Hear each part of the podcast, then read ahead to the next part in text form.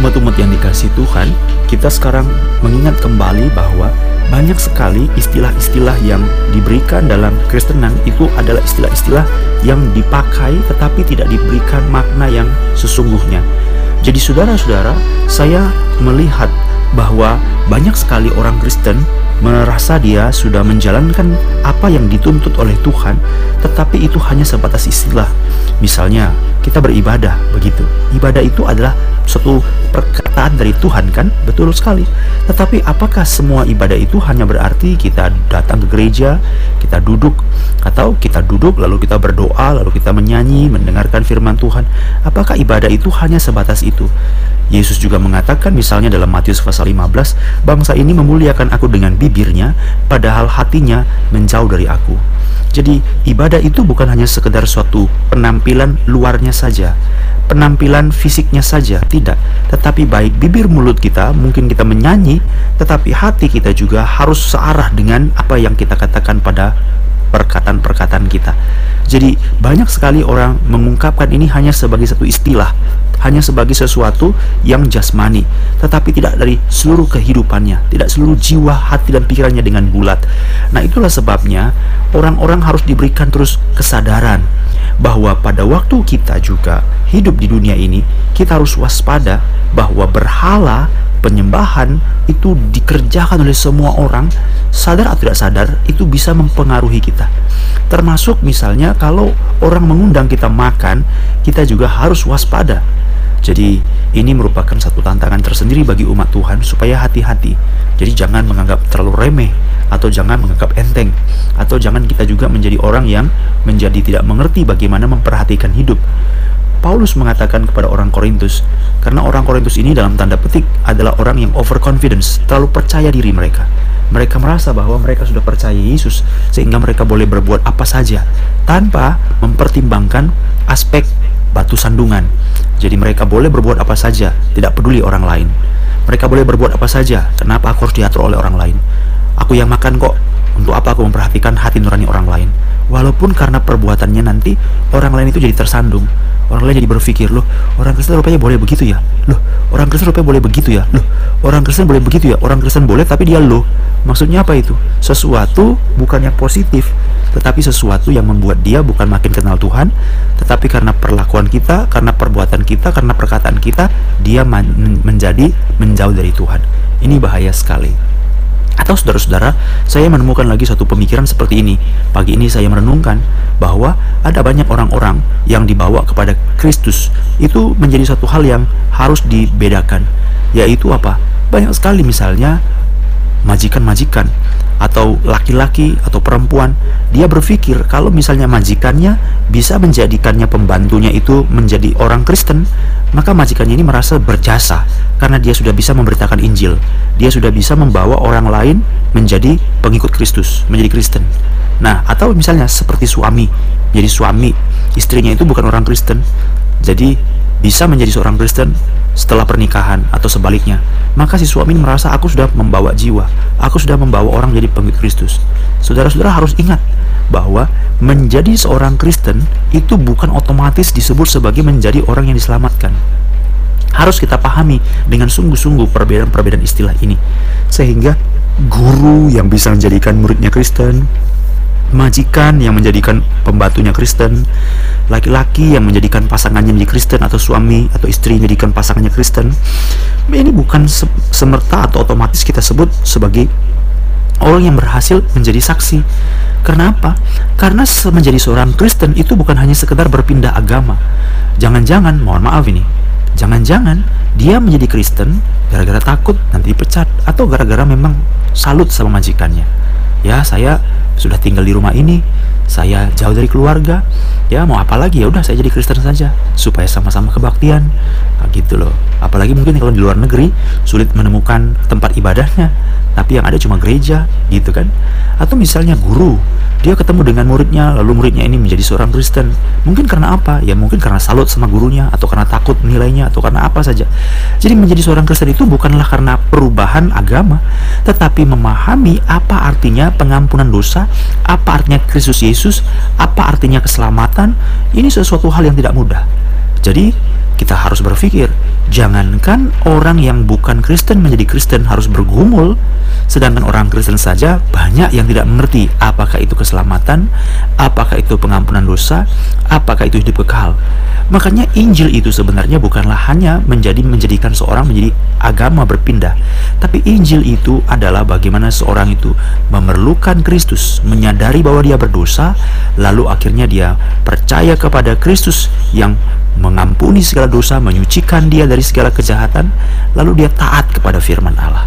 Nah, ini adalah peristiwa yang tidak bisa diberikan hanya sebatas kata-kata atau dapat dinilai secara fisik. Makanya kita harus waspada sekali saudara-saudara.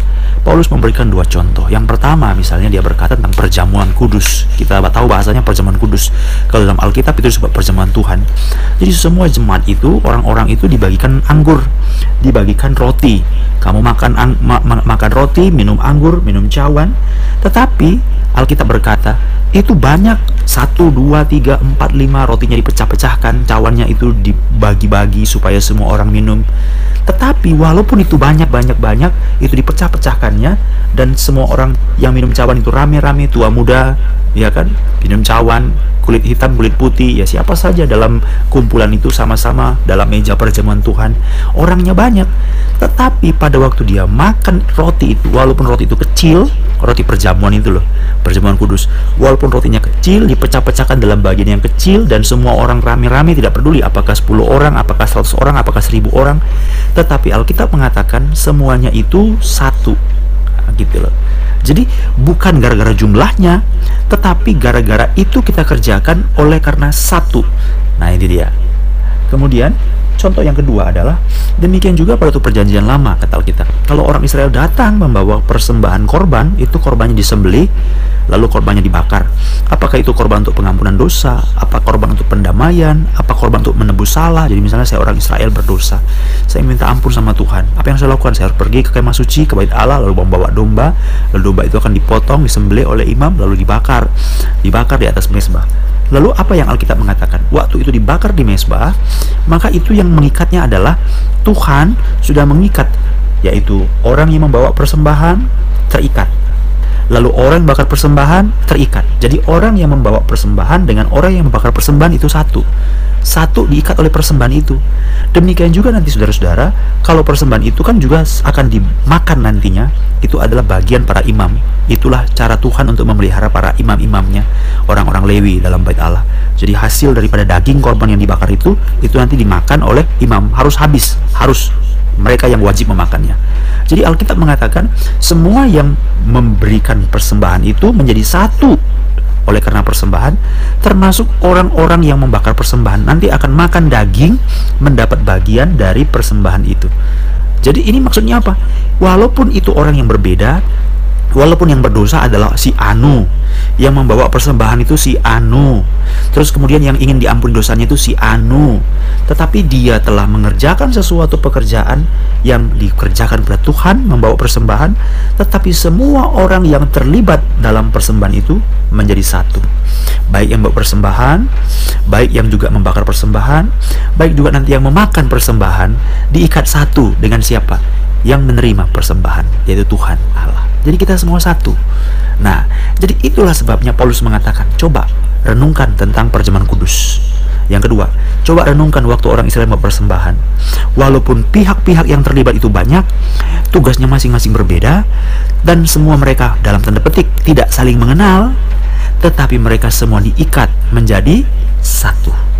Demikian juga saudara-saudara, kalau saudara makan persembahan berhala, mungkin saudara hanya makan karena saudara namu, mungkin saudara makan hanya karena diundang, mungkin saudara makan hanya gara-gara saudara itu uh, apa namanya ya, bikin rame saja, bikin seru saja. Ah, kayaknya ada apa ini? Ayo gratis, gratis, gratis, ayo silakan, silakan, gitu ya. Maka kita ikut. Tetapi harus waspada. Kita misalnya pesta, kita diundang, harus waspada. Ini sebenarnya acara apa? Acara ini acara apa harus kita ketahui gitu loh jadi supaya kita jangan menjadi batu sandungan. Nanti kita akan lihat, oh apakah berarti semua yang aku makan itu harus aku tahu? Nanti kita coba lihat. Tapi Tuhan hanya mau membicarakan kepada kita, kita harus menjaga perilaku kita, kita harus menjaga tindakan kita. Jangan kita ini terjebak pada hal-hal yang tidak perlu. Nanti orang melihat kelakuan kita, dia jadi berdosa. Itu yang Tuhan mau tekankan. Jadi jangan sembarangan, saudara-saudara. Jadi kadang-kadang kita ini menjadi orang yang lepas bablas. Misalnya karaoke, ya kan? Orang karaoke itu salah ndak? Ya ndak salah, namanya juga nyanyi karaoke. Tapi kalau saudara pergi ke karaoke, ini kan jadi masalah. Adakah nanti yang melihat? Apakah itu jadi kebiasaan? Terus nanti di karaoke itu kita bertemu dengan orang-orang seperti apa? yang pakaiannya bagaimana, yang cara berpikirnya bagaimana, terus kemudian setting ruangan itu akan menempatkan seorang seperti apa, itu kan sesuatu hal yang menjadi suatu pergumulan. Orang prasangkanya itu kan jadi susah. Jadi prasangka orang terhadap kita, walaupun kita tidak ngapa-ngapain, tapi prasangka orang terhadap kita itu buat orang itu berdosa. Mungkin kita berkata, itu urusan dia kok, aku nggak ngapa-ngapain, dia yang berdosa, urusan dia lah, orang yang berpikir yang aneh-aneh. Bukan. Kalau kita sudah tahu itu bisa menimbulkan prasangka yang buruk, jangan kita lah lakukan. Jadi ini bukan hanya sekedar persembahan berhala saja saudara-saudara, tapi seluruh hidup kita mari kita perhatikan. Kita memberikan, kita memberitakan Injil, kita ajak sama orang, ayo jadi Kristen, jadi Kristen. Eh, hati-hati. Kita menjadikan orang sebagai Kristen, apakah kita meminta dia hanya pindah agama ataukah sungguh-sungguh kita memperkenalkan Kristus yang mengampuni dosa sehingga dia memiliki satu tangisan air mata penyesalan akan dosanya, lalu dia mau Tuhan mengampuni, Tuhan menyelamatkan dia atau hanya memaksa dia pindah menjadi agama saja saja atau ikut kita gereja. Ayo ikut ke gereja yuk ngapain? Seolah-olah dalam tanda petik kita jebak dia. Akhirnya kita ikut gereja. Harus kita pikirkan baik-baik. Jangan tindakan kita menjadi prasangka buruk. Jangan tindakan kita membuat orang menjadi berdosa. Jangan tindakan kita itu menjadi jebakan bagi orang lain. Itu adalah suatu perbuatan-perbuatan yang tercela bahwa waktu kita mengikut Tuhan, kita mengikut Tuhan itu harus betul-betul memperhatikan, memperhatikan seluruh hidup kita, apa yang kita pikirkan, apa yang kita lakukan. Bukan hanya sebatas kalimat-kalimat jasmani. Kalau kita sebagai objek, berarti kita diundang oleh orang lain. Tapi kita sebagai subjek, berarti kita mengundang orang lain. Ini harus sama-sama hati-hati gitu loh. Kalau misalnya kita memberitakan Injil berarti kan kita ini sebagai subjek nanti orang lain yang sebagai objek untuk kita undang kan? Hati-hati. Jangan sekedar kita menjadikan dia sebagai orang Kristen mengundang dia atau apa membicarakan Injil kita jebak dia atau segala macam. Kita harus hati-hati. Atau sebaliknya kita juga diundang misalnya hal-hal pesta diundang untuk ini itu segala macam harus hati-hati.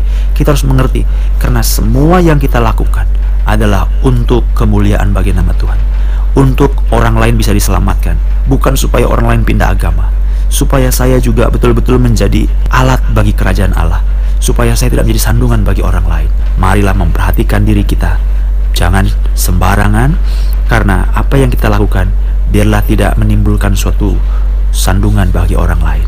Memang kita tidak diatur oleh orang lain, tetapi biarlah kita berkata, Tuhan, jangan sampai gara-gara perbuatanku, gara-gara tindakan perkataanku, jangan sampai gara-gara sesuatu di hidupku, maka orang lain itu menjadi berdosa dan akhirnya dia menolak Tuhan.